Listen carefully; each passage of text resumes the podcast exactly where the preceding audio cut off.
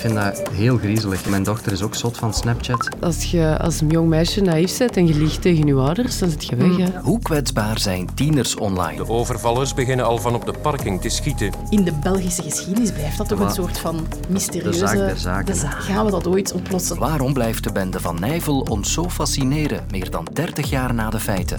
De platen die ik echt heel mooi vind, of dat ik denk van, amai, wauw, die wil ik bewaren, die wil ik dan ook echt in die hoes tussen de rest kunnen zetten. En waar zit de magie van vinyl? Alright, meteen erin vliegen. De plaat van het kwartier begint alvast weer te draaien na twee weken kerstvakantie. Ik ben Lode Roels, welkom.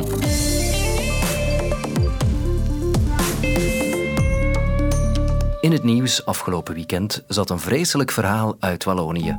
In Oegree, in de provincie Luik is dat, is een meisje dat vermist was dood teruggevonden. Ze was 14 jaar en kwam uit Anderlecht. In een dorp enkele kilometers verderop werd later een man van 37 doodgevonden vlakbij zijn auto. Hij zou zichzelf om het leven gebracht hebben. Hij zou het meisje via sociale media voorgesteld hebben om te gaan winkelen. Ze ging daarop in en bracht haar zusje van 2,5 jaar mee. Child Focus waarschuwt opnieuw voor groomers. Dat zijn volwassenen die via sociale media kinderen benaderen. Het meisje lijkt dus het slachtoffer te zijn van een groomer, een volwassene die online contact maakt met kinderen, meestal tieners, met als uiteindelijk doel misbruik. Child Focus waarschuwt er al langer voor, onder meer met online filmpjes. Een groomer is een onbekende volwassene die je probeert te verleiden via je chat. Hij probeert je als het ware je vertrouwen te winnen door er zogezegd voor je te zijn. Maar eigenlijk probeert hij gewoon je uit de kleren te praten. Dus Leila, altijd oppassen als je babbelt met onbekenden op je chat. Ik kreeg Niels van Pamel aan de lijn, beleidsadviseur seksuele uitbuiting bij Child Focus. Hey, dag Lode. Is het mogelijk om een algemeen profiel te schetsen van de daders? Wie doet zoiets? Nee, want eigenlijk is dat ook net gevaarlijk om te doen. Het, het, probleem is dus net dat die dader dat een heel breed profiel is. We komen uit die, uit die nationale, ja, de nationale trauma van de hele affaire Dutroux, waardoor dat de generatie, uh, ja, eigenlijk mijn generatie, dus ik ben, ik ben geboren in 1987, dus ik was, een, ik was een jaar of zes, zeven, ik ben echt opgegroeid met pas op voor de man, de oude man in de witte bestelwagen. Het is net gevaarlijk om ons enkel te gaan focussen op dit prototype. Hè, want je kan een groomer niet herleiden naar één bepaalde uh, sociaal-economische status. Je kan ze niet herleiden naar leeftijd, want de, de, seksuele voorkeur voor kinderen is niet iets dat plots, dat plots ontstaat op 50 jaar.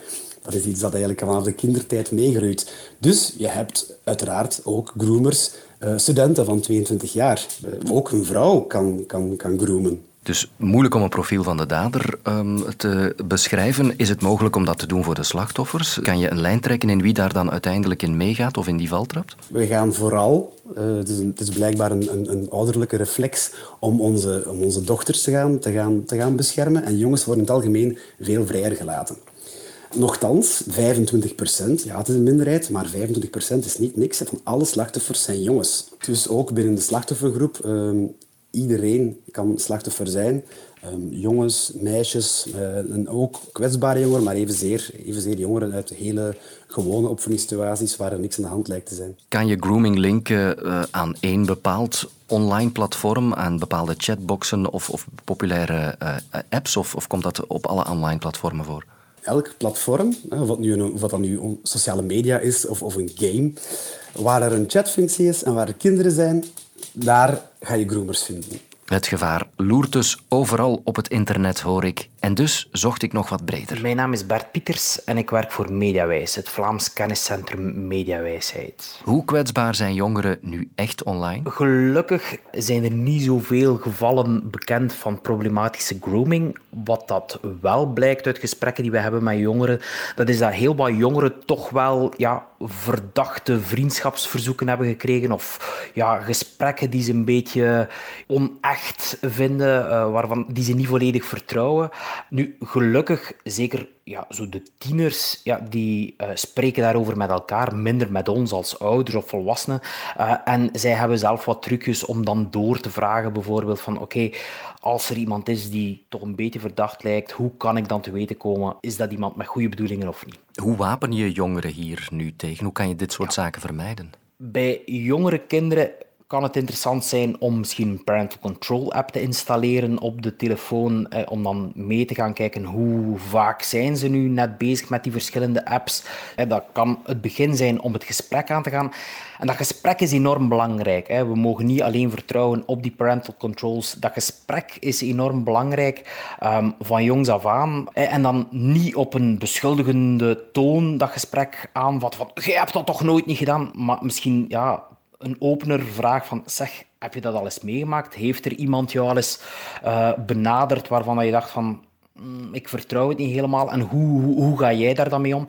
En zo kan je dan stapsgewijs eh, samen wat opzoeken en samen mediawijs worden. En meestal, als ze wat doordenken, hebben ze die antwoorden wel. Bert Pieters, dankjewel. Er zijn van die nieuwsverhalen die, zolang ik mij kan herinneren, blijven opduiken. Letterlijk zelfs. In Damme hebben magneetvissers een wapen opgevist uit de Damse vaart. Een opgevist wapen afgelopen zaterdag. En dan is het maar een kwestie van tijd voor iemand wijst naar de Bende van Nijvel. Dat was een criminele groepering die in de jaren 80 terreur zaaide. En toen klonk Breaking News nog zo. We onderbreken het normale verloop van onze programma's voor een extra nieuwsuitzending. In Aalst is een roofoverval gepleegd, alweer op een warenhuis van Deleuze. Volgens de 900 van Aalst zouden er zeker tien doden zijn. Naar verluid zijn drie gangsters het warenhuis binnengevallen. Na de moordpartij zijn ze gevlucht met een Volkswagen van het type Golf. In ons tweede journaal, omstreeks half twaalf, hopen we u beelden te brengen. Geen enkel ander onderzoek in ons land komt zo vaak opnieuw uit de kast zonder dat er echt een stap vooruit wordt gezet. In het onderzoek naar de bende van Nijvel hebben speurders vandaag opgravingen gedaan naar een lichaam. Het onderzoek is intussen al miljoenen pagina's lang, maar zonder echt concreet resultaat. Het zijn altijd vlodders. Maar het onderzoek ligt niet stil. De bende van Nijvel vraagt het federaal parket aan honderden oude verdachten om een DNA-staal te geven. Dat dan misschien toch iets aan het licht komt. De onderzoekers doen er alles aan om nog een doorbraak te forceren. En we zullen eh, doorgaan tot het einde fascinerend toch?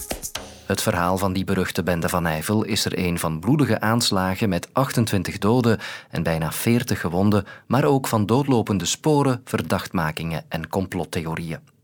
Hoe komt het dat die zaak maar niet opgelost raakt? En waarom blijft ons dat zo fascineren? Ik weet perfect bij wie ik daarvoor moet zijn. Destijds studeerde ik criminologie aan de KU Leuven, dus dat was het dossier wat iedereen bezig hield. En eigenlijk houdt het iedereen nog altijd bezig. Dit is VRT-justitiejournalist Dirk Leestmans. Hij bijt zich al jaren vast in alles rond de bende van Nijvel. Het klopt dat er met de regelmaat van een klok zogezegd nieuwe revelaties zijn in dat dossier. Ook nu weer is dat het geval. Er zijn wapens bovengehaald. Het is het zoveelste element in een verhaal dat eigenlijk maar altijd blijft duren. De paradox is een klein beetje in de mate dat dat dossier niet opgelost geraakt, groeit ook die fascinatie. Maar groeit ook een klein beetje de mythevorming daar rond. Want ja, je kan ongeveer alles zeggen over de bende. We weten er eigenlijk niks van. En de enige die iets zou kunnen zeggen over de bende, is de bende zelf. Alleen weten we niet wie de bende is. En het is ook nog maar de vraag of we kunnen spreken over de bende van Nijvel. Misschien zijn er wel verschillende bendes geweest, of zijn er verschillende mensen geweest die gewerkt hebben in opdracht van de bende. Dat is natuurlijk toch wel bijzonder dat een samenleving geconfronteerd wordt met criminaliteit van die orde, van die brutaliteit ook, en dat men er niet in slaagt om dat op te lossen. Dat is zeer, zeer, zeer bijzonder. Puur technisch zou je kunnen zeggen van kijk, de feiten dateren van de jaren tachtig. Op dat moment had men niet de middelen die men nu heeft. Denk bijvoorbeeld aan telefonieonderzoek, DNA-onderzoek. Er is wel een DNA-spoor, maar heel, heel weinig. Het heeft misschien ook te maken met het feit dat een aantal mensen die zelf op een of andere manier actief waren in bijvoorbeeld de Rijkswacht of de magistratuur, daar zelf bij betrokken waren of in elk geval op een of andere manier dat onderzoek ja, niet vooruit hielp zoals het moest. Merkwaardig is inderdaad ook dat vanuit dat criminele milieu zelf nooit informatie gekomen is, ondanks serieuze winstpremies van bijvoorbeeld Deleuze, ondanks bijvoorbeeld de spijtoptandenregeling die er dan later gekomen is.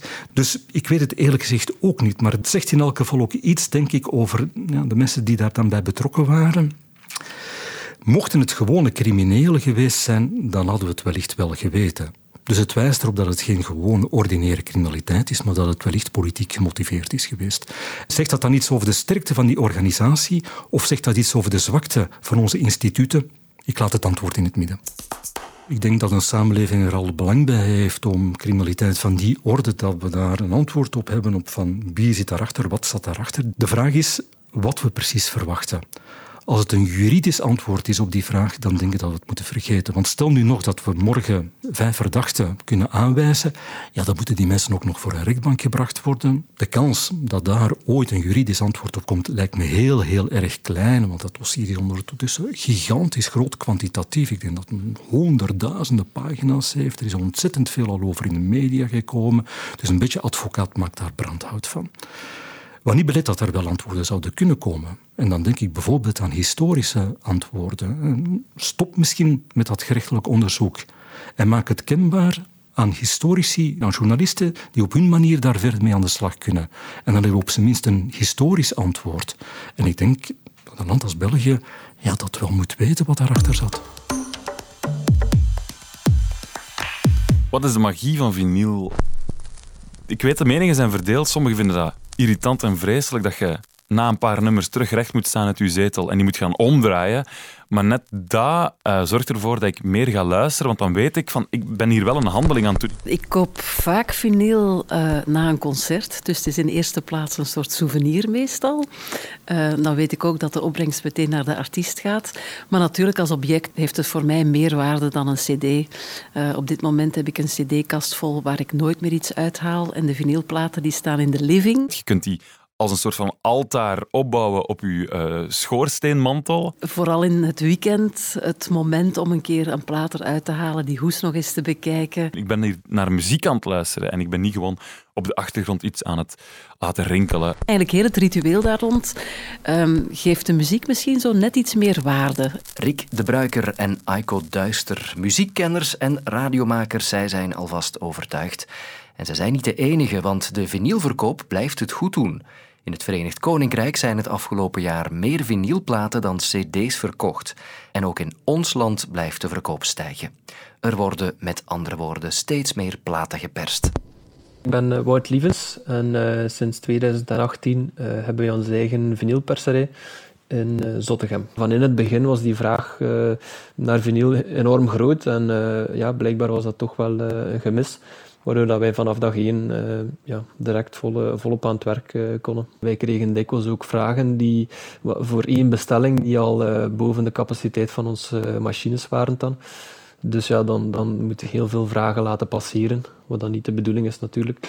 En ook meer en meer klanten van grotere perserijen werden opzij geschoven voor de heel grote bestellingen waardoor dat heel veel labels op zoek waren naar een andere perserij. En zo is er veel verschoven, waardoor dat wij nu ook capaciteit maal 5 zitten in vergelijking met uh, begin 2022. Iedereen die mij vraagt van, hey Rick, ik kon een pick-up kopen, want ik wil platen gaan, gaan aanschaffen, zeg ik altijd, doe het niet.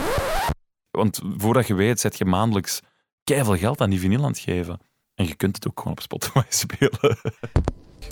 ik weet toen ik begon met platen kopen, toen was ik zelf wel heel jong, toen was ik 12 jaar oud.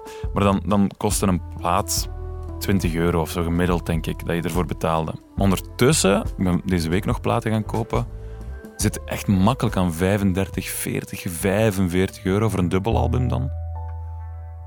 Vooral de grondstoffen die duurder geworden zijn. Uh, natuurlijk energieverbruik, dat ook uh, veel duurder geworden is de loonkosten die gestegen zijn, eigenlijk zo'n beetje alles ja, is eigenlijk duurder geworden. Dus dan wordt dat automatisch natuurlijk uh, het vinyl zelf ook duurder. Kan dat inbrengen, hè. dat is mijn job. Nee, nee. ik, ik vraag een factuur. Hè. Nee, uh, ja, ik wil dat hebben. Ik wil ik, de platen die ik echt heel mooi vind, of dat ik denk van, amai, wauw, die wil ik bewaren until eternity of zo. Die wil ik toevoegen aan mijn collectie, aan mijn, aan mijn bibliotheek.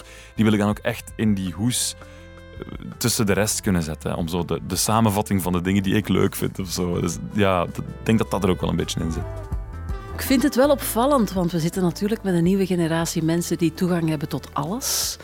Um, maar ik voel bijvoorbeeld bij mijn kinderen, dat zijn tieners, die willen nu ook vinylplaten hebben. En die dan van specifieke artiesten waar ze echt fan van zijn, om daar dan zo toch nog iets extra's van te hebben en, en ja, iets hebben om vast te houden, om neer te zetten in hun kamer. Het is bijna de foto van de hoes is bijna evenveel waard als, als de plaat zelf waar de muziek op staat, merk ik. In de jaren 2000 deed iedereen zijn vinylcollectie al eens weg, want dat stond toch in de weg. Niemand moest dat nog hebben en dat was oude meuk. En ondertussen is dat teruggekomen en ik denk dat het nu wel er is om te blijven, omdat mensen de waarde doorhebben van alles staat op het internet en je kan altijd alles luisteren op YouTube en op ik weet niet waar. Maar om, om die extra waarde eraan te geven, om dat in de kast te kunnen zetten, om dat echt van, ik ben echt van en ik wil dat uitdragen of zo dat erin zit, of ik wil dat echt voelen, dat dan de vinyl toch de drager is. Het kwartier is ook in dit nieuwe jaar op verschillende podcastplatformen te verkrijgen, in digitale vorm weliswaar. Voor een vinyluitgave met bijhorende mooie hoes zijn er vooralsnog geen plannen. Tot morgen. Luister ook naar Win-Win, de podcast waarin Sven Pichal en Kathleen Kraanhals tips geven om slimmer met je geld om te gaan. Nu in de app van VRT Max.